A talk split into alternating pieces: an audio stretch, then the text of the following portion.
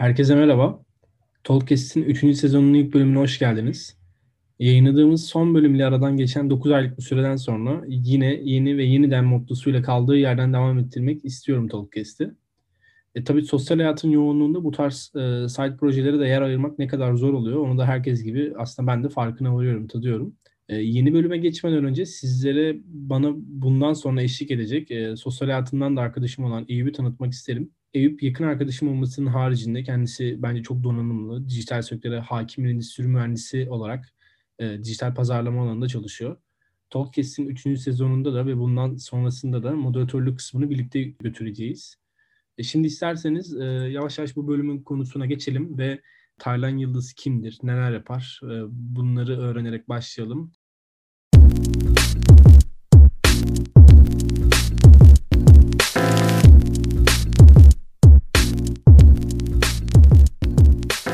Öncelikle hoş geldin. Bizi kırmayıp da davetimizi kabul ettiğin için çok teşekkür ederiz. Bugün biz biraz daha senin kariyerini ve hayatta yaptığın şeyleri senin mesleğine nasıl yön verdiğini konuşmak istiyoruz açıkçası. Dilersen ilk sorumuzla başlayalım. Biraz seni tanımak istiyoruz. Taylan Yıldız kimdir? Neler yapar? Bunlardan kısaca bahsetmek ister misin? E, tabii ben e, Sivaslı bir arkadaşınızım. İzmir'de büyüdüm. E, İzmir Fen Lisesi Boğaziçi Endüstri Mühendisliğinden sonra e, yurt dışına gittim. E, Massachusetts Üniversitesi'nde önce bir Supply Chain Master yaptım. Sonra Stanford'da da işletme doktorası yaptım. E, buradaki konumuzla ilinti olarak da herhalde şöyle bir durum var. E, orada yaptığım işletme doktorası Quantitative Marketing dedikleri yani sayısal pazarlama dedikleri tamamen Big Data'nın modellenmesi ve ona göre reklam planlarının çıkarılması üzerine ve reklam teknolojisinin geliştirilmesi üzerine bir doktora yaptım. O doktorayı bitirdiğimde daha sene 2007 idi ve o zaman da hani YouTube filan emekleme dönemlerindeydi. Her saniye para kaybediyordu. Facebook emekleme dönemindeydi. Google'ın sadece search tarafı ağırdı. Geri kalan tarafları gerçekten oralarda kan kaybediyordu. Ve orada öyle önemli inanılmaz bir dalga vardı ve o dalgayı da biz hasbel kadar yakaladık. Çünkü bizim yaptığımız o yetkinliklerimiz ve doktora seviyesinde yapmanız gerekiyordu o işleri. O yaptığımız işler bir anda Google'un içerisindeki ürünler haline geldi. Google'un içerisinde şu an bütün reklamcıların kullandıkları e, araçlar haline geldi vesaire vesaire. Google'da birkaç yıl çalışmayı düşünüyordum. Bir baktım 10 yıl çalışmışım orada. Orada da bayağı girişimci aktivitelerde bulundum. O yaptığım işler e, ödüller aldı, bir şeyler oldu filan. Sonra da o 10 yıl orada çalıştıktan sonra da baktım biz o tecrübelerimizi e, Türkiye'de özellikle siyasi alanda da kullanabiliriz ki gerçekten e, insanlara doğru bilgileri doğru şekilde en verimli şekilde ulaştırabilelim dedim. İstifaya bastım Türkiye'ye geldim diye kısaca bir anlatmış olayım. Peki şeyi soracağım. Birçok farklı alanda faaliyet gösteriyorsun. İşte bir şirkette çalışıyorsun, belediyede meclis üyesisin ve bunların haricinde de birçok etkinliğe katılıp insanlara ulaşmaya çalışıyorsun. Bunların hepsini aynı anda nasıl yönetiyorsun? Ya yani gerçekten her yere yetebiliyor musun? Ve aslında bu soruyla da bağlantılı olarak bize bir günün nasıl geçtiğini anlatabilir misin? Benim galiba hayatımın her döneminde böyleydi. Yani hem bir yandan sanat yapmaya çalışırdım, müzisyenim aynı zamanda bir yandan e, spor yapardım çok ciddi bir biçimde. Bir yandan işte okulda doktora çalışmalarını yapardım filan falan. Şimdi de aynı. Şimdi nasıl geçiyor? Şimdi sabah böyle 5.45 gibi filan uyanıyorum. Şimdi bu aralar hava geç e, geç aydınlandığı için ki maalesef çok büyük bir yara bence. 6.30 gibi uyanıyorum. Ondan sonra 1.5-2 saat kadar spor yapıyorum. Her sabah düzenli olarak mutlaka ya yürüme artı koşma gibi bir şey oluyor bu. Ondan sonra geliyorum böyle 10 gibi falan günüm başlıyor. Ondan sonra ilk toplantılarım oluyor. Bu toplantılar bazen STK'larla oluyor, bazen gazetecilerle oluyor, bazen kendi ekibimle oluyor. Sonrasında e, genelde e, İstanbul Meclisi'ne gidiyorum. Orada orada toplantılarımız oluyor, meclis toplantıları gibi. Sonra da e, tabii Amerika'da da şu an çalıştığım bir işim var ama o işe artık maalesef yeterince vakit ayıramıyorum. Çünkü şu an Türkiye'deki bu siyasi işler, özellikle yapmaya çalıştığımız işler çok fazla vakit harcadığı için orada bir e, seçim yapmak durumunda kaldık. Ama o, onların da günde en az bir iki saat normalde toplantısı oluyor. Onun yoğun zamanlarında günde zaten 6 saat toplantısı oluyor gece 2'ye kadar. Böylece bir 5 saat uyuyup sonuç, sonuca gidiyoruz. Tabii arada bir de böyle güzel programlara da katılıyoruz ediyoruz. Haftada en az 3 gün ben şey yapıyorum. Ya Twitch yayınlarına e, konuk oluyorum ya üniversitelere her, her hafta mutlaka en az iki tane üniversite kulübüne konuk oluyorum. bir de böyle işler var. Onun için yani çok uyumuyorum galiba ya. Öyle gününün çok az bir kısmını uyuyarak geçiren bir arkadaşım olarak ben burada konuyu devralmak isterim. Ben birazcık şey tarafından bir soru sormak istiyorum. Biraz böyle dijital marketing, pazarlama tarafında hem girişle yapmış olalım konuya yavaş yavaş diye. Ee, şimdi Stanford'da e, işletme doktorunu pazarlama üzerine yaptıktan sonra e, Google'da çalışmaya başladın. E, ardından Fortune 500 şirketlerine odaklanarak işte Google'ın üçüncü taraf reklam yatırımlarını yönettiğiniz bir ekipte yer aldın. Google'da çalışırken Türkiye'de evet hayır referandum kampanyasında da yine o süreçte ülkeye döndüm ve işte Meral Akşener'le birlikte onun kampanyasını sosyal medya tarafını yönettin aslında. Benim sorum şu olacak. Tedarik zinciri yönetimi üzerine master tamamladıktan sonra pazarlama alanına nasıl yöneldin? Seni burada çeken şey neydi? Bu arada pazarlama burada doğru bir terim mi? Bunu da e, sormak isterim ama genel sorum aslında hani bu tedarik zinciri yönetiminden bir anda bu dijital marketing pazarlama alanına nasıl geçtin? Ee, şöyle e, nasıl geçtim? Onun bir birkaç sebebi var. Bir sebebi aslında master'dan değil benim e, üniversitede son senemle ilintili bir şey. O da şu. Üniversitenin son senesinde biz endüstri mühendisliğine bir ders aldık. Dersin ismi de böyle case study dersiydi. O da şuydu. Bakıyordunuz e, e Arthur Anderson geliyordu, Accenture geliyordu, işte McKinsey geliyordu, Bain geliyordu, Boston Consulting Group geliyordu filan. Bunlar her hafta size bir tane bir case study sunuyorlardı. Diyorlardı ki işte şirketin başı belada şöyle yapmaları lazım. Bunun çözümü nedir? Yani nasıl şirketi toparlasınlar ya da yeni bir şirket kuracaklar. Bu şirketin pozisyonlaması ne olsun, yeni ürünü ne olsun, odur budur.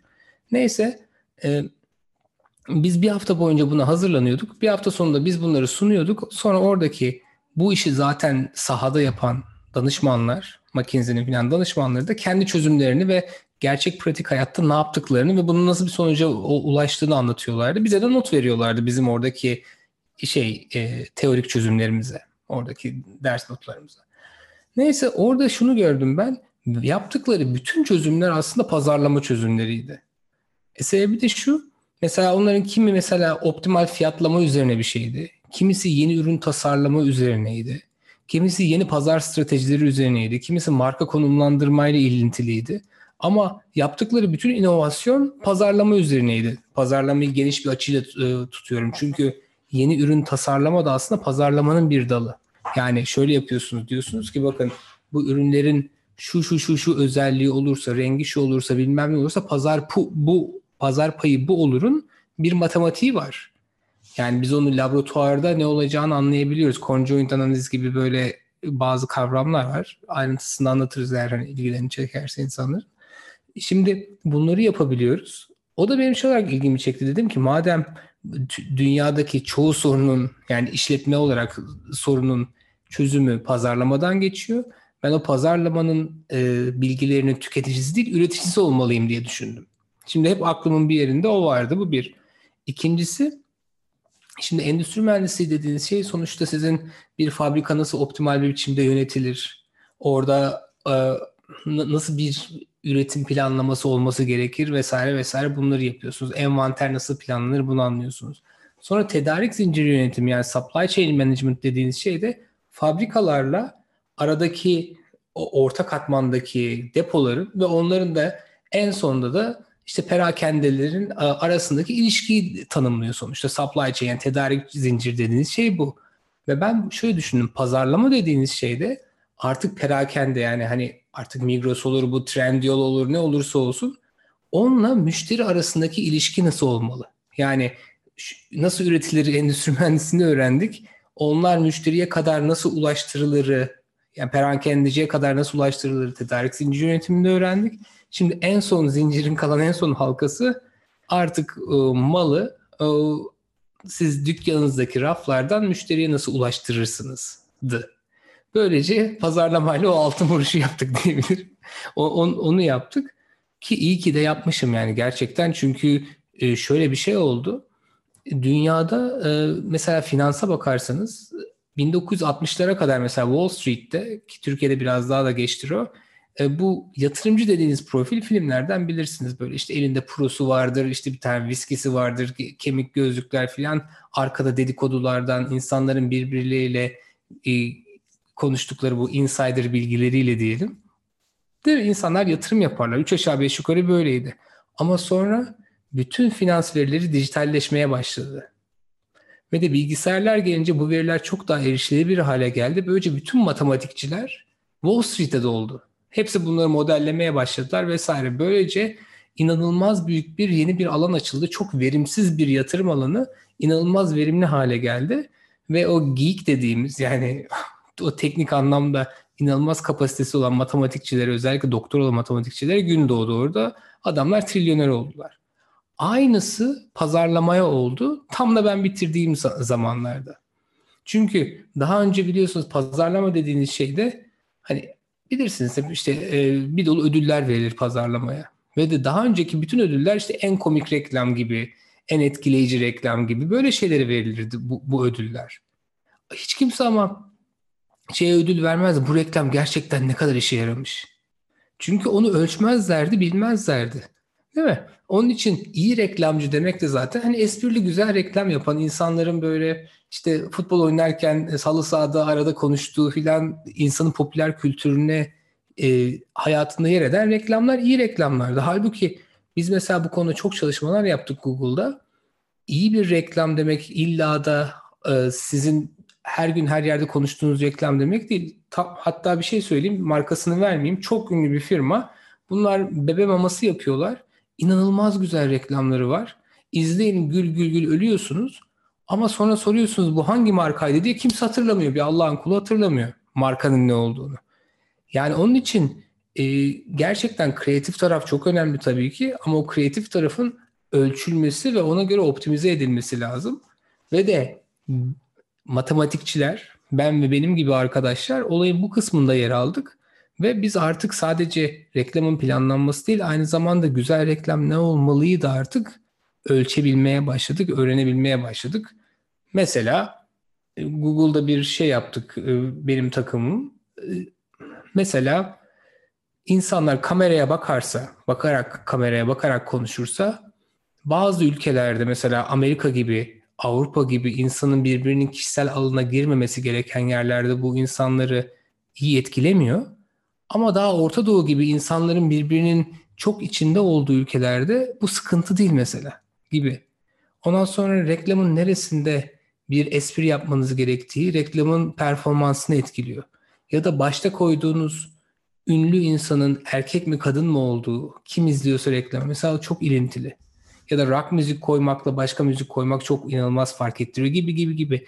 Ya bunların hepsinin artık analizini yapıp ona göre optimal bir reklam dizaynı yapmak gerekli.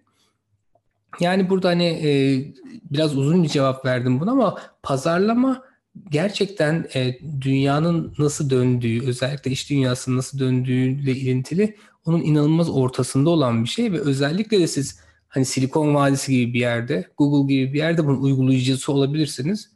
Bu yani acayip keyifli bir iş ki daha uzun uzun da anlatırım. O kadar çok şey yaptık yani hani yaptığımız işi daha 10 yıl daha kimse görmeyecek herhalde tahminim. Yani hani bir dolu yaptığımız iş kimisini zaten yaptık.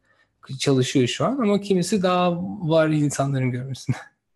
Çok güzel özetledin olayı. Çok da iyi bir akış çizdin endüstri mühendisinden pazarlamaya e, sonrasında. Biz de çok meraklandırdın. O zaman devam edelim. Stanford'dan mezun olduktan sonra Google'da neler yaptın? Biraz bunlardan bahsedebilir misin? Yani az önceki bahsettiğin olayları zaten e, Google'da yaptın tahmin ediyorum ama e, yani bunları biraz daha detaylandırabiliriz. Nasıl bir pozisyondaydın? Nasıl bir ekiple çalıştın? Odak noktanız tam olarak nelerdi? Bu süreci nasıl yönettin?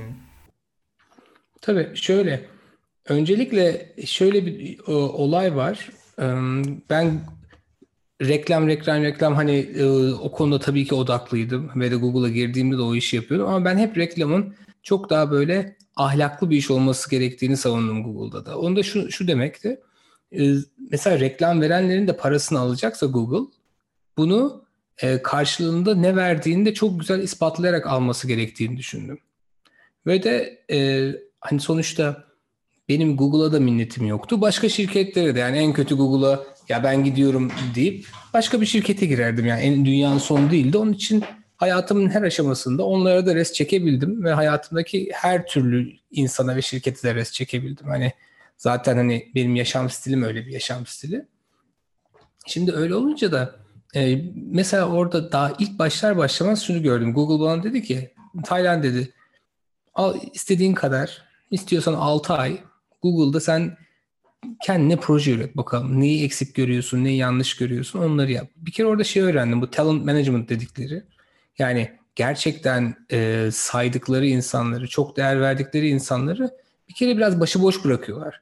Ki bu çok önemli ve güzel bir şey. Çünkü hani biliyorlar ki onlar bana bir tane proje verseler, al bunu yap deseler ben mutlu olmayacağım. Bunun çok farkındalar. Onun için dediler ki buyur sen bak bakalım hangi konuda çalışmak istiyorsun vesaire. Neyse ben şeyi gördüm. O zamanlar bu display advertising dediğiniz hani bu banner reklamları vardır ya şeylerin içinde. İşte Milliyet'in içinde de var, orada burada var, işte New York Times'ın içinde var filan. Şimdi bu reklamlarda şöyle bir şey var. E, insanlar reklamı görüyor, tıklamıyor bile. Ondan sonra iki ay sonra, bir ay sonra hasbel kader gidiyor şeye, o, o siteye. Ondan sonra mesela bir alışveriş yapıyor filan. Sonra e, Google'da onlara şey yazıyordu. Aa bak işte ne güzel reklamı gördü. İşte bir ay sonra gitti siteye bilmem ne yaptı filan falan. Ben de bunu dedim ki ya bu dedim bu doğru değil. Neden doğru değil? Ya, o doğru olması için biz bir test yapmamız lazım. Yani insanların yarısının bu reklamı görmesi lazım. Yarısının hiç alakasız bir reklamı görmesi. Sonra bakalım sadece bu reklamı görenler mi gidiyor, görmeyenler mi gidiyor? Nedir o nedir olay? Ancak o zaman nedenselliği anlayabiliriz. Tamam. Neyse işte bunu kimse sallamadı başta. Zaten şöyle bir durum da vardı. E şimdi siz bunu öyle bir yapıyorsunuz ki eğer tutmazsa yani reklam çalışmıyor derse e, satışçılar ne yapacak? Yani bunu yapmak istemiyorlar. Ben de dedim ki ben bunu yapacağım kardeşim. İstiyorsanız atın, satın, ne yapıyorsanız yapın. Dediler o zaman kendin kendi mühendis bul kendine. Yani hani biz sana mühendis vermiyoruz. Buyur bul. Ondan sonra mühendis buldum kendime. Tabii mühendis bulmak da onlara ilham vermek gerekiyor. Yani çünkü adam kendi zamanın dışında bile senin bu işiyle uğraşacak. Ve ben onun patronu değildim, bir şey değildim. Nasıl uğraşıyor bu adam buna? İlham verebildiğimiz için uğraşıyor. Yani orada aslında ben Google'ın içerisinde ufak bir startup kurdum kendime. Yani gerçek tam tam anlamıyla startup'tı. Ondan sonra onların patronlarından bile izin almadım. Yani şey mühendisler daha boş zamanlarında filan bana böyle iş yapmaya filan başladılar. Şimdi orada mesela ilk kampanyayı şey yaptık dedik ki bir tane otel markası çok ünlü bir chain otel söylemeyeyim ismini. Ondan sonra bunlar e, bir kampanyaları var diyor ki işte hafta sonu git işte şu otelimizde kal. Ondan sonra mis gibi yastıklar, güzel kokular, lavantalar vesaire vesaire. İşte ondan sonra %20'de indirimli falan falan. Neyse bunlar bu kampanyayı yaptılar. E, çok da mutlular. Bizim satış elemanları çok mutlu. Herkes çok mutlu falan. Ondan sonra biz buna bir test yaptık. Test de şu. İnsanların yarısı bu kampanyayı görüyor. Ondan diğer rastgele diğer yarısı o da tam %100 rastgele çünkü cookie'lerin ID'lerinin son rakamına bakıyoruz. Tekse gösteriyoruz, çiftse göstermiyoruz. Her şey aynı. Diğerleri de şey görüyor. Kızıl Haç'ın Amerika'da işte bugün kan vermeye git diyor. Yani bu kadar alakasız değil mi? Ondan sonra bir baktık kampanyanın sonunda bir ay sonunda bu e, hafta sonu git böyle lavanta kokulu işte yataklarımızda yat diyenin şeyiyle conversion rate ile ondan sonra otel otele check-in oranıyla kan ver reklamını gören aynı. Yüzde yüz aynı. Yani arada bir milim oynamamış. Yani kampanya gerçekten hiçbir şey işe yaramamış. E, tamam ondan sonra ne oldu? Tabii böyle olunca satışçılar benden nefret etti haliyle. Yani do- doğru söyleyin 9 köyden kovarlar. Yani siz, siz diyorsunuz ki bunlara ya sen aldın 3 milyon doları çok güzel bu elemandan da bu 3 milyon dolar karşısında sen bir tane bile ekstra adama müşteri sağlayamamışsın. Halbuki eski metriklerle baktığın zaman o 3 milyon dolara adam belki 20 bin tane satış yapmış. Ama ben de diyorum ki o 20 bin sana satış yapmışsın da o 20 bini sen bu kampanya olmasa da satacaktığına getiriyorum olayı. Tabii böyle olunca da kimse sevmedi. Ama orada ben dedim ki yani ahlaklı olan iş budur, doğru olan iş budur ve dünya da zaten buraya gidiyor. Çünkü reklamcılar da akıllanmaya başlayacak bir ara. Ve doğru soruları sormaya başladıkları zaman da e o zaman Google'ın buna cevabı ne olacak? Onun için dedim ben bunu yapmam lazım. En konu istiyorsanız sevin sevmeyin. Neyse sonra ben bir, birkaç tane daha böyle kampanya yaptım ve bu arada da şeyi gördüm reklamlar verimli olmasa bile yani reklamdan dik diyelim. Tam verimli değil ama arkadaki yazdığım optimizasyon platformu hangi gün hangi aralığında yaparsan, kaç kere gösterirsen, hangi sitede yaparsan filan o zaman o ne işe yaradığını söylüyordu. Sonra ben adamlara dedim ki bu büyük şirketlere bak senin kampanya işe yaramadı eyvallah. Ama bak bunu bir daha yap. Bu sefer de böyle böyle yap. Bu sefer süper olacak. Ondan sonra yaptılar, denediler ve süper oldu. O bir anda ben böyle sevilen adam oldum orada. O çünkü bir anda reklam verenler de şey demeye başladı. Başta diyorlardı ki ya Google kendi ayağına silah sıkıyor gibi siz bana niye söylüyorsunuz reklamın bir şey yaramıyor diye diyor. Ben anlamıyorum diyor bana. Çünkü hiçbir şirket başka sizin rakibiniz hiçbir şirket bize böyle şey söylemiyor diyor. Yani Facebook söylemiyor diyor, Twitter söylemiyor, o diyor bu, bu söylemiyor diyor. Siz niye söylüyorsunuz? Ben diyorum ki yani ben reklamcı olsam duymak isterdim. Biz de söylüyoruz işte böyle yani Allah kerim ama diyoruz ki yani size doğruyu söylersek pasta büyüyecek çünkü siz doğru yatırımla daha büyük yapacaksınız bu işleri.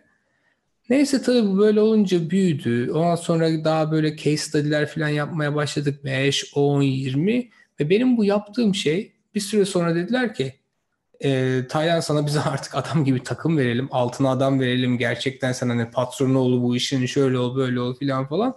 Altıma adamları verdiler. Bu benim böyle gönüllü çalıştırdığım mühendisler bir anda böyle benim ekibim oldu. Orada da zaten şunu görüyorsunuz. Google gibi şirketlerde hep bir üst seviyede çalışmanız lazım ki o seviyede olmayı hak edin. Yani adamlar sana şey demiyor. Buyur Taylan gel sana 10 kişilik ekip hadi bunu yap demiyor. Sen 10 kişilik ekibi yalvara yalvara bir şekilde buluyorsun, kendin yapıyorsun. Yaptıktan sonra ha madem yaptın al sana ekip diyorlar. Yani hep böyle biraz geç oluyor işler. Yani direktör gibi çalışıyorsunuz ki direktör olasın. VP gibi çalışıyorsun ki VP olasın gibi. Neyse tabii bu olay böyle büyüdü büyüdü filan. Ee, çok güzel gitti. Sonra e, bu bu olay böyle oradaki şey platformu, e, deneysel bu AB platformu, optimizasyon platformu, double click şimdi işte DV360 diyorlar. Google'ın ad serving platformu. Onun içinde böyle bir tool oldu. E, çok da güzel iş, iş çıktı. Sonra biz dedik ki ya bakın YouTube özellikle YouTube'da şey yapmak gerekiyor. Ee, söyleyen e, markaya olan etkisini ölçmek gerekiyor.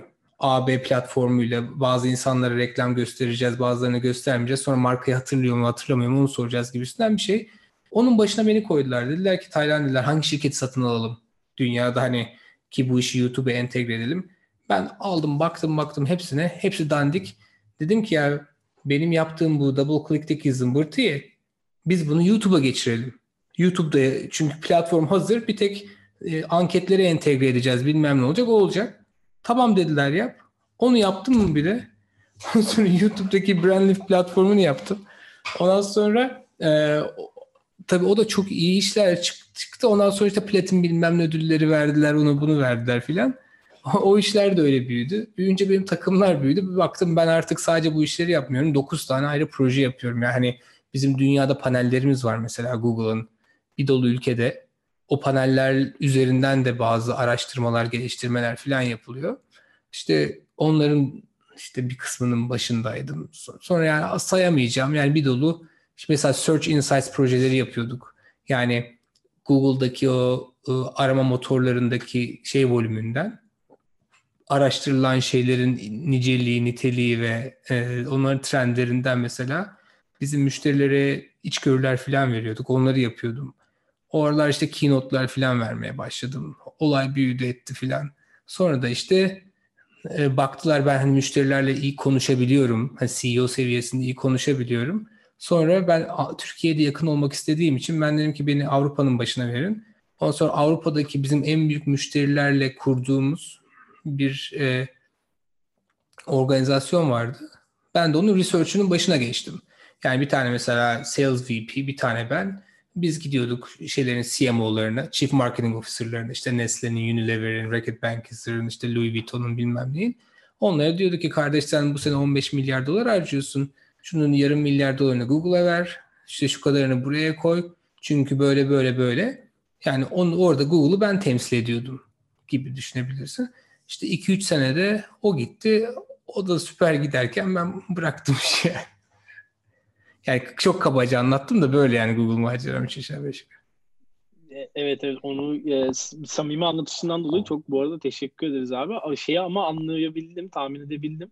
E, aslında Google sürecini baştan aşağı bir ayrı bir bölüm olarak ele almak isteriz eğer sen de daha sonra tekrar uygun görürsen. Olur tabii. E, çünkü be- belli ki orada çok güzel detaylar var. Aslında tam olarak da e, Eyüp'le benim böyle ilgilendiğimiz, içinde aktif olarak çalıştığımız sektörle ilgili e, doneler olduğu için e, direkt aslında o, o Google e, kariyer sürecini bir ele almak lazım ama tabii bu bölümün e, direkt konusu olamadı ne yazık ki. Biz senin daha böyle hayatındaki her bir milestone'dan sana sorular getirip seni genel anlamıyla tanımak istedik.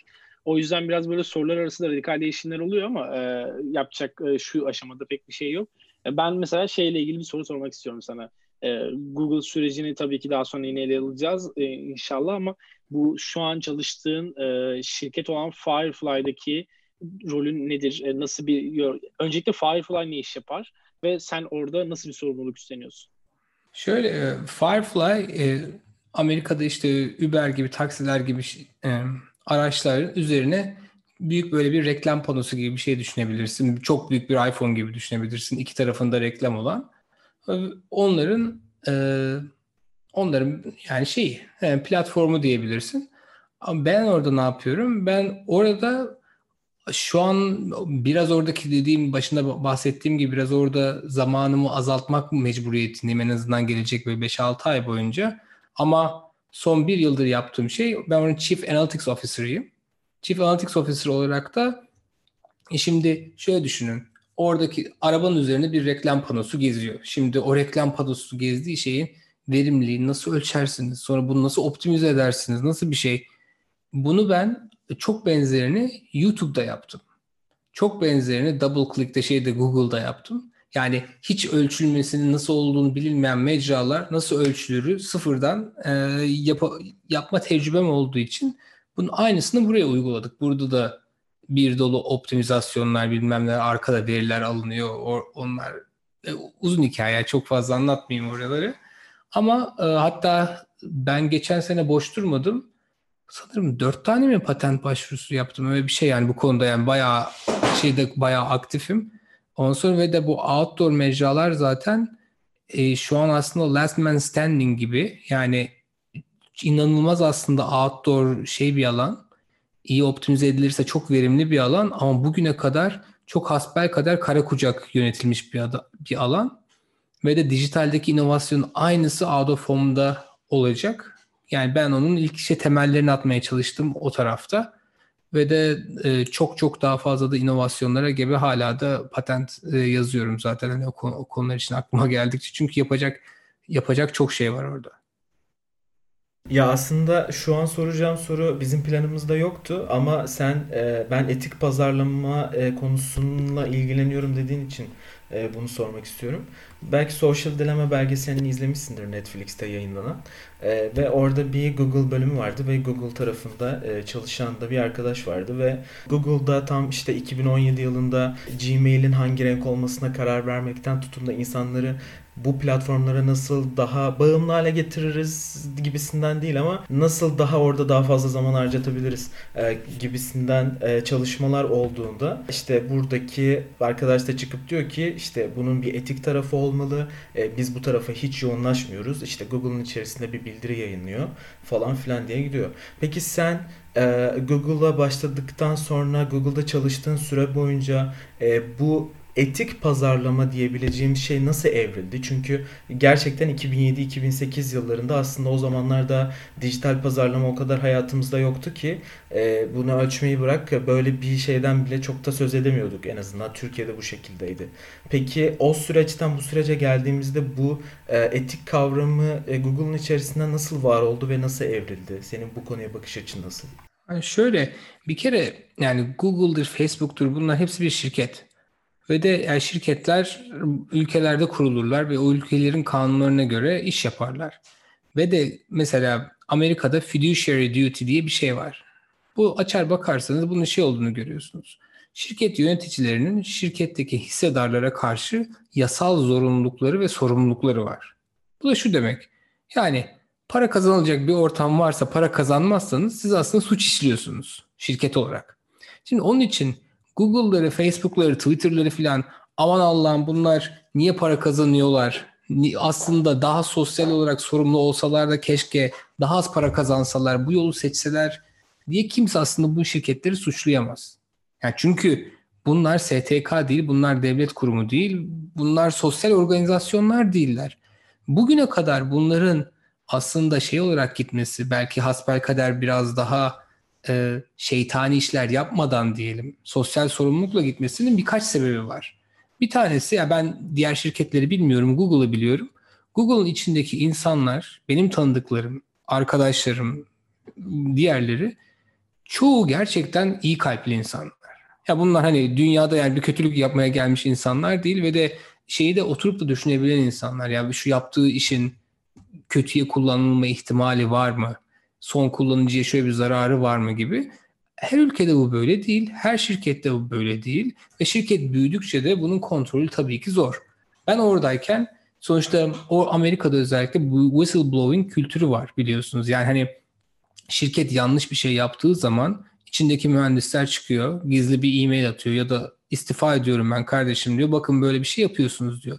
Ve de bu şirketlerin o kar e, yapma dürtüsünü, oradaki o şeyi çok dizginleyen kavramlar. Şirket içindeki dinamikler. Ama şöyle düşünün yani şirket artık böyle 50 bin kişi, 60 bin kişi, herkesin herkesten haberi yok. Ya da şirketin farklı teknolojileri farklı ülkelerde yapılıyor ve o ülkelerdeki kültürler ya da kanuni altyapılar farklı. O zaman bunların hepsini kontrol edebilir misiniz? Edemezsiniz. Onun için yani hani şirketlerin içindeki insanlara bu sorumluluğu yüklemek bir anlamda yanlış. Şimdi ama Amerika bunu şöyle bir şey yaptı. Bu konularda dedik ya bu dijital şirketler, Facebook'lar, Google'lar biz bunlara güveniyoruz. Salalım gitsin. Bunlar kendileri zaten müşteri de kaybetmemek için bunun herhalde suyunu çıkarmayacaklardır ra geldi olay. Ama tabii iş öyle olmuyor. Çünkü mesela yine Google örneğinden gidelim. Google mesela e, zamanında Çin dedi ki Google'a biz işte sansürlü verileri vermenizi istiyoruz dedi insanlara. Yani Tiananmen meydanı katliamı dediğiniz zaman gösterme onu diyor mesela. E, ve de bunu dediği zaman ben Google'daydım ve Google'da Çin'e inanılmaz yatırım yapmıştı o, o sırada. Çünkü inanılmaz büyük bir pazar çok büyüyor. Yani hani her kapitalistik şirketin rüyası. Yani orada gerçekten büyük bir dijital mecra kurmak. Ama Google orada dik durdu. İnanılmaz dik durdu. Ve dedi ki tamam madem öyle biz o zaman Çin'den çıkıyoruz. Çin'deki domainini kapattı. Google.China'yı kapattı. Sonra ah, Hong Kong'a geç, geçti bütün operasyonlar. Ve de inanılmaz da para kaybetti bu işten.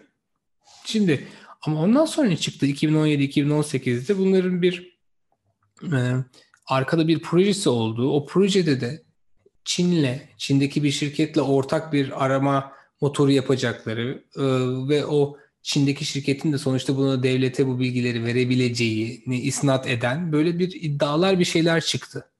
Şimdi bunlar çıkınca da e, yine Google'ın içerisindeki bir, birkaç mühendis çıkardı bunu. Bunları çıkınca da projeyi iptal etmek zorunda kaldılar. Ama buradan şunu görüyorsunuz yani hani şirketler kendilerine bırakıldıklarında 3 yıl, 5 yıl, 10 yıl, 15 yıl belki hani böyle şeyleri yapmazlar ama sonra yaparlar. Ya yapabilirler. Gerçekten şirketin sorumluluğunda değil çünkü. Olması gereken şey ülkeler ve hatta ülkeler üstü platformların bunları doğru ve dürüst anlamda regüle ediyor olması. Yani GDPR bu anlamda güzel bir mesela ilk adımdır. Ya da Kaliforniya'da şimdi CCPA çıktı. O CCPA e, California Consumer Protection Act diye. Ondan sonra onu şey yapıyorsunuz. E, genelde Kaliforniya ilk bunları çıkarır. Sonra bütün Amerika bunu alır. Gibi gibi. Şimdi e, sonuçta bizim e, bunları ülkelere bırakmıyor olmamız lazım. Bu e, şeyleri, bu iş modellerini e, müşterilerin kendi verileri üzerinde çok fazla e, kontrol sahibi olmaları gerekiyor. Bu bir. Ama ikincisi de insanların şöyle bir şey de anlaması gerekiyor. Hani e, herkesin bildiği bir söz var. Eğer hani e, siz kullandığınız ürün için para vermiyorsanız ürün sizsinizdir. Sonuçta orada üründe bizim oradaki dikkatimiz ve o dikkatimizle bir şey bir ürünü satın aldığınız bir şeyi daha fazla fiyatla ya da hiç almayacağımız bir şey alma ihtimalimiz orada fiyatlanıyor. Aslında dijital dijital pazarlamada. Şimdi orada da iki tane felsefi durum var. Bir tanesi der ki reklam aslında size bilgi verir ve bilgi verdiği için de e, fiyat elastisitesini arttırır. Yani siz e, sizin daha güzel karar vermenizi sağlar bir müşteri olarak. Çünkü daha fazla opsiyona maruz kalırsınız, daha mantıklı bir karar verirsiniz der. Ve Google'ın search reklamları, arama motoru reklamları bu kategoriye giriyor genelde. İnsanlara soruyorlar diyorlar ki Google'ı siz reklamlı mı reklamsız mı tercih ediyorsunuz? Biz yaptık bu araştırmayı zamanında. Şu an nasıl bilmiyorum ama o zaman öyleydi. İnsanlar reklamlı tercih ediyor. Çünkü reklamı bir bilgi kaynağı olarak orada görüyor. Şimdi o başka bir şey. Ama bir de diğer türlü reklam var. O reklamda markaya olan aidiyeti, bağlılığı arttıran reklamlar. Bu da fiyat elastisitesini azaltır. Yani ne yapar? Sizin bir mala sırf o markayı çok sevdiğiniz için daha fazla para vermenizi ve de diğer markalara bakmamanızı ve de böylece belki de hani görece olarak para kaybetmenizi sağlar. Şimdi onun da aslında çatısı o da birkaç şeye ayrılıyor. Bir tanesi bu sizin için kötü olabilir ve o zaman yani o başka bir şey ya da iyi olabilir. İyi de ne, nedir? Çünkü o zaman sizin yeni bir ürünü arama maliyetinizi azaltır. Siz o markayı direkt bir sinyal olarak kullanıp bir kaliteyle ilgili bir e, içgörü sahibi olursunuz ve de işte belki bir statü sembolü falan olarak da size başka yerlerde bir faydası olur filan falan. Yani uzun konular bunlar ama şey sonuçta demek istediğim şu e, reklam dediğiniz şey sadece bir tane iyi ya da kötü diye sınıflandırabileceğiniz bir şey değil. Bazen iyi bazen kötü ve de özellikle de sizin e, normalde hayatta para vermeyeceğiniz ama e, bayıla bayıla kullandığımız ürünleri de kullanmanızı sağlayan bir şey kapitalizmin çarkı diyelim. Teşekkür ederiz ya bayağı ya çok iyi case study'ler bunlar gerçekten ben duyduğum için çok mutlu oldum ve iyi bir özetti Google içerisinin içinde kesinlikle. Artık Google'dan çıktık. Google'dan istifa ettin ve Türkiye'ye dönme kararı aldın. Sonrasında da İyi Parti'nin Evet Hayır kampanyasına aslında katılmadan önce Evet Hayır kampanyasında e, bir yerde ufak bir grupla bir e, çalışma yürüttüğünü, sonrasında da bunu Meral Akşener'e sunduğunu, e, onun da kabul ettiğini söyledim ve orada Meral Akşener'in Evet Hayır kampanyasının sosyal medya ve dijital tarafını yürüttüğünü biliyoruz en azından okulda aldığın eğitimleri ve profesyonel kariyerindeki tecrübelerini burada, Türkiye'de, e, siyasette nasıl sergiliyorsun? Şimdi oradaki bizim bir kere e, bugüne kadar hani Google'da da yapmaya çalıştığımız o her şeyi test etme kültürü. Ondan sonra hiçbir şeyi gerçekten e, test etmeden inanmama kültürü ve orada da uyguluyoruz. O da ne demek? Bir kere söyleyeceğimiz her mesajın hangi grupta ne kadar karşılığı olduğunu, Ondan sonra bunun görsel dünyasının nasıl olması gerektiğini, sonunda koyacağınız ünlem işareti mi, soru işareti mi olması gerektiğini, orada kullanacağın sıfatların ne olması gerektiğini bir kere. Hani bunların hepsini zamanında e, pratiğini yapıp hem öğrendiğimiz hem ürettiğimiz e, bir bakış açısıyla yapıyoruz bir kere. Hani bu bu çok önemli. Ben hem milletvekili kampanyalarını yönettim İyi Parti'de de. Ondan sonra Sayın Akşener'in Cumhurbaşkanlığı dijital kampanyasını da yönettim. Ya bunların de evet hayır kampanyasını yönettim. 2014'te e, İstanbul'da yerel seçimlerde o kampanyayı yönettim. Sonra Sarıyer'in kampanyasını yönettim 2014'te. Yani bayağı bir seçim aslında kampanyası yönetmişliğimiz var. Ve de orada da hani şeyi görüyorsunuz. İnsanlar e, bir partiye ya da herhangi bir adaya sadece monolitik biçimde sadece bir şey bir konu için vermiyorlar. Bu bir filin böyle bacağı, hortumu, kulağı gibi düşünün. Herkes farklı bir yerini seviyor. Ve de zaten oradaki amaç da hangi tarafı nereyi sevdiğini ve e, hangi konuyla ilgilendiğini bulup o konuda sizin ne söylediğinizi o insanlara en verimli bir şekilde ulaştırmak. Şimdi o biz de onu yapmaya çalışıyoruz zaten ve onu yaptığınız zaman da gerçekten çok güzel dönüşler oluyor. Hatta çok basit şey bir örneği vereyim. Mesela biz e, Meral Hanım'la bir yere gidiyorduk mesela bir, bir şehre gidiyoruz. Şehirde böyle inanılmaz güzel bir e, kalabalık karşılıyor filan. Ondan sonra oradakiler de diyorlar ki ya biz buraya bayrak asmadık, pankart asmadık, daha teşkilatımız yok bu partinin ilk zamanlarından bahsediyorum. Nasıl geldi bu kadar insan? Ondan sonra ben diyorum ki ya biz kaç haftadır bununla ilgili reklam çalışması yapıyoruz şudur budur. Onlar diyor ki nasıl yaptınız ya başkanım diyor yani biz hiç görmedik reklam. Ben diyorum herhalde görmeyeceksin yani hani verimli reklam zaten böyle bir şey. Sizin görmüyor olmanız lazım. Gelebilecek ama şu an ıı, bizi takip etmeyen insanların bunu görüyor olması lazım.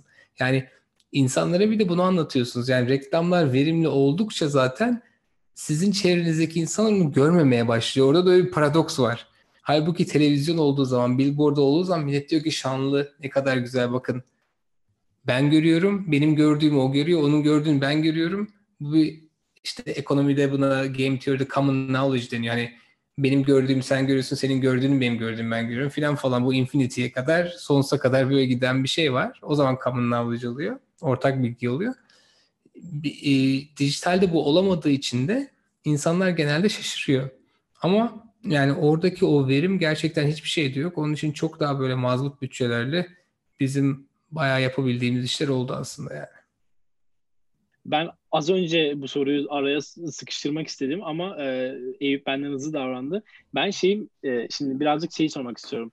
E, tabii bu İyi Parti'deki senin e, üstlendiğin ro- roller ve işte yürüttüğün kampanyaları falan konuştuk abi. E, ama hatır, e, şuna da ben değinmek istiyorum aslında. Az önce etik e, veri bilimi, etik ve analiz e, veri analizi konularını konuştuktan sonra sormak istiyordum. Şimdi hatırlarsınız ki e, bir e, Trump'ın başkanlık e, seçimi döneminde Trump'ın bir sosyal medya tarafında ve veri bilimi tarafında bir operasyonu oldu. Cambridge Analytica ile birlikte çalıştığı bir süreç oldu. Facebook bu sürecin içerisine dahil oldu. Bizim bildiğimiz kadarıyla e, bir e, veri satışı durumu oldu. Yanlışsam tekrar lütfen düzeltin beni. E, ve işte bu, bunun sürecinde davalar oldu, bir şeyler oldu vesaire. Ee, şimdi veri veri bilimi ve veri analizi tarafları bizim genelde Amerika'da böyle çok sık e, siyasetle içi dışlı gördüğümüz haberlerini duyduğumuz özellikle de Trump'ın bu seçimi sonrasında e, daha aşina olduğumuz konularken Türkiye'de bu işler nasıl? Ee, Türkiye'de e, veri yani şimdi Türkiye'de yani ne yazık ki biz Türk e, dijital sektörlerdeki gençler olarak ve kendimizi de böyle e, çok da üst şeye koymak istemiyoruz ama bu konularla ilgilenen gençler olarak e, senin gibi bir insanın bile Türkiye'de ne yazık ki tırnak içerisinde internetçi abi olarak tanınması bu kadar büyük e, bir background'a sahipken e, gelip Türkiye'de e, bir polemikle tanınmış olması bizim için bence üzücü. E, hal böyleyken veri bilimi, veri analizi bu konuştuğumuz kavramlar Türkiye'de siyasette nasıl e, bir karşılık buluyor mu? Bunun bir e, karşılığı var mı? Senin bu konulara bakış açını merak ediyoruz. Türkiye'de bu işler Amerika'ya göre çok çok zayıf. Yani biz e, onun yani orta çağlı yeni çağrısı bir şeyini yaşıyoruz yani şu an. Onun en büyük sebebi e, bizim aynı zamanda normalde kapitalist ekosistemimizin zayıflığından kaynaklı. O da şu. Şimdi Amerika'da şöyle bir durum var. Seçmen verilerini top, birleştiren, toparlayan e, şirketler var. Şimdi e, genelde e, hem bu şirketlerin verilerini alıyorlar hem de zamanında Facebook'un verdiği artık bayağı bir kapattı ama zamanında Facebook'un verdiği verilerle onun üzerine insanların oy verme davranışları modellenebiliyordu Amerika'da. Evet, çünkü onun şeyi de şuradan geliyor. Mesela Experian gibi Amerika'da şirketler var. Bu şirketler işte kredi skorlama şirketleri nasıl skorlayacak? Sizin bütün e, şeylerinizi, kredi kartı bilgilerinizi, işte cep telefonu bilgilerinizi, işte e, kablolu yayın e, paketleriniz nedir ne değildir filan falan bunların hepsini çok büyük bir veri havuzunda birleştirip ondan sonra bunu satıyorlar. E şimdi Türkiye'de öyle geniş bir en azından benim görebildiğim kadarıyla zaten öyle bir geniş bir veri tabanı yok. Yani hem teknik şeylerden dolayı belki de başka şeylerden dolayı yok yani pazarlama orada değil zaten ki siyasal pazarlamaya bunun etkisi olsun. Bir de ikincisi de zaten dediğim gibi Şimdi Amerika'da özellikle insanlar bir partiye oy verdikleri zaman yani pardon bir parti üye oldukları zaman onların o bütün bilgileri herkesin ulaşabileceği yerlere gidiyor. Bu, bu verileri direkt satın alabiliyorsunuz. Şimdi Türkiye'de o işler de öyle değil. Yani Türkiye'de mesela diyorsunuz ki bana işte bizim üyelerimizin bilgilerini ver bana diyorsunuz. Devlet de size diyor ki o zaman şurada serverınız olması lazım. Ondan sonra size şöyle bir key vereceğim. Ondan sonra çekip sadece bunu burada tutabilirsiniz. Şöyle olur böyle olur. Yani Amerika'da e, şeyler e, çok daha piyasada işlenebilecek genişlikte ve daha rahatlıkta. Yani bunun eksisini artısını tartışabiliriz. Ama yani sonuçta söylemeye çalıştığım şey Türkiye'de bu işler o kadar e, yaygın yapıla, yapılmıyor benim gördüğüm kadarıyla değil. Ya muhtemelen sen bundan sonraki süreçte de İyi Parti'nin içerisinde ya da başka mecralarda bu konu üzerine çalışacaksındır diye en azından düşünüyorum söylediklerinden dolayı. Ee, yani bundan sonrasında Türkiye'de siyasi pazarlama ve işte veriye dayalı siyasi pazarlama kısmında ne gibi şeyler yapmayı planlıyorsun? Yani bu konuda çalışmaların var mı? Ya da işte gençleri de bu çalışmaların içerisine dahil etme gibi bir fikrin var mı? Bu konuyla alakalı belki bir dijital ürün geliştirme gibi bir fikrin var mı? Ya o konularda yapacak çok şey var. Sadece Türkiye değil Amerika'da da yapılmayan bir dolu şey var. Benim sadece o konuyu şu an yapma hiçbir zamanım yok. Çünkü şu an en büyük derdimiz bizim Türkiye'deki gençlerin sorunları neler? Bu sorunları nasıl çözüm bulabiliriz ve bunları Ankara'nın gündemine nasıl taşıyabiliriz? Sonuçta bu dediğimiz işleri yaparken hani dijital pazarlamanın bütün nimetlerinden ve şeylerinden yararlanacağız. O başka bir şey. Ama benim şu saniyeden sonra şeye vaktim olacağını zannetmiyorum. Başka bir dijital kampanya yönetmeye ya da olayın mutfağında olmaya vaktim olacağını zannetmiyorum. Kaldı ki ben şu an mesela Avrupa Politik Danışmanlar Konseyi şey üyesiyim. E, birliği üyesiyim ve Türkiye'den zaten 6 kişi var. Bir tanesi benim mesela. Yani o, tarafta aslında benim yapmak istediğim çok şey var. Ve de genç dijital e, tabanı olan arkadaşlarımızın hani bu konuda hani bizim de katkılarımız olur mutlaka hani mentorluk olarak ki bugüne kadar da birlikte çalıştığımız ajanslara da konularda katkılarımız oldu. Çok da keyifli işler yaptık birlikte. Ama bundan sonra kendimizin dışında hani başka bir kampanya öyle yönetmeye fırsat olur mu? Emin değilim. Birisi gelir de oturursa benimle derse ki ya Taylan abi bak şöyle bir ürün yapalım mı danışman ol derse o, olurum. Ama benden çıkmaz o şu, şu an o iş. Çok, hiç, hiç vakit yok. Abi çok teşekkür ederiz zaman ayırıp katıldığın ve cevapların için. Ee, bence çok güzel bir bölüm oldu. Hem bizim 3. sezona girişimiz hem de senin aslında siyasi tarafı değil de biraz daha bu işin iş tarafını, e, iş yapma tarafını konuştuğumuz için. Bu yüzden değerliydi. Teşekkür ederiz. Eklemek istediğim bir şey var mı? Ben de çok keyif aldım. Böyle hiç sıradan bir sohbet olmadı gerçekten. Yani hani sonuçta bizim anlatmaya çalıştığımızı anlayan bir kitleniz var. Onu da çok farkındayım. Sorular da çok keyifliydi. Onun için bütün dinleyicilere ben öncelikle teşekkür etmek istiyorum. Size de güzel sorularınızdan dolayı teşekkür etmek istiyorum. Ve e, biz e, gençlik programlarımıza ve ben gençleri dinlemeye devam ediyorum. Onun için ve bunların bütün anonslarını da hep Twitter'dan yapıyoruz. Hani oradan da beni takip etmek isterlerse et Taylan Yıldız Twitter, Instagram filan şey oradan e, soru sormak isterlerse de insanüstü bir çabayla bütün sorulara cevap vermeye çalışıyorum. Bakalım ne kadar böyle gidecek. Çok scalable bir şey değil. Yani çok ölçeklenebilir bir şey değil ama şu an gidiyor. Gittiği yere kadar ben günde bir iki saatimi harcayıp sorulara cevap vermeye çalışıyorum. Ondan sonra e, şey o, arkadaşları da oradan e, bana ulaşabileceklerini söylemiş olalım bildiğim kadarıyla Twitch'te de canlı yayınlar yapıyorsun abi. Yine aynı evet, şekilde evet. oralardan da Tabii tabii tabii. E, Twitch, Discord kanalım var asıl ya süper böyle. Onlarla şey yapıyoruz böyle ses kanallarında arkadaşlarla soru cevap falan yapıyoruz. Harika oluyor. Onu da Twitch'in üzerine basıyorum falan. Ben de mutlaka katılacağım Discord. Lütfen çok sevinirim Batuhan. E zaten e, hani bu podcast'i çekmeden önce sosyal medya hesaplarını inceleme fırsatımız oldu.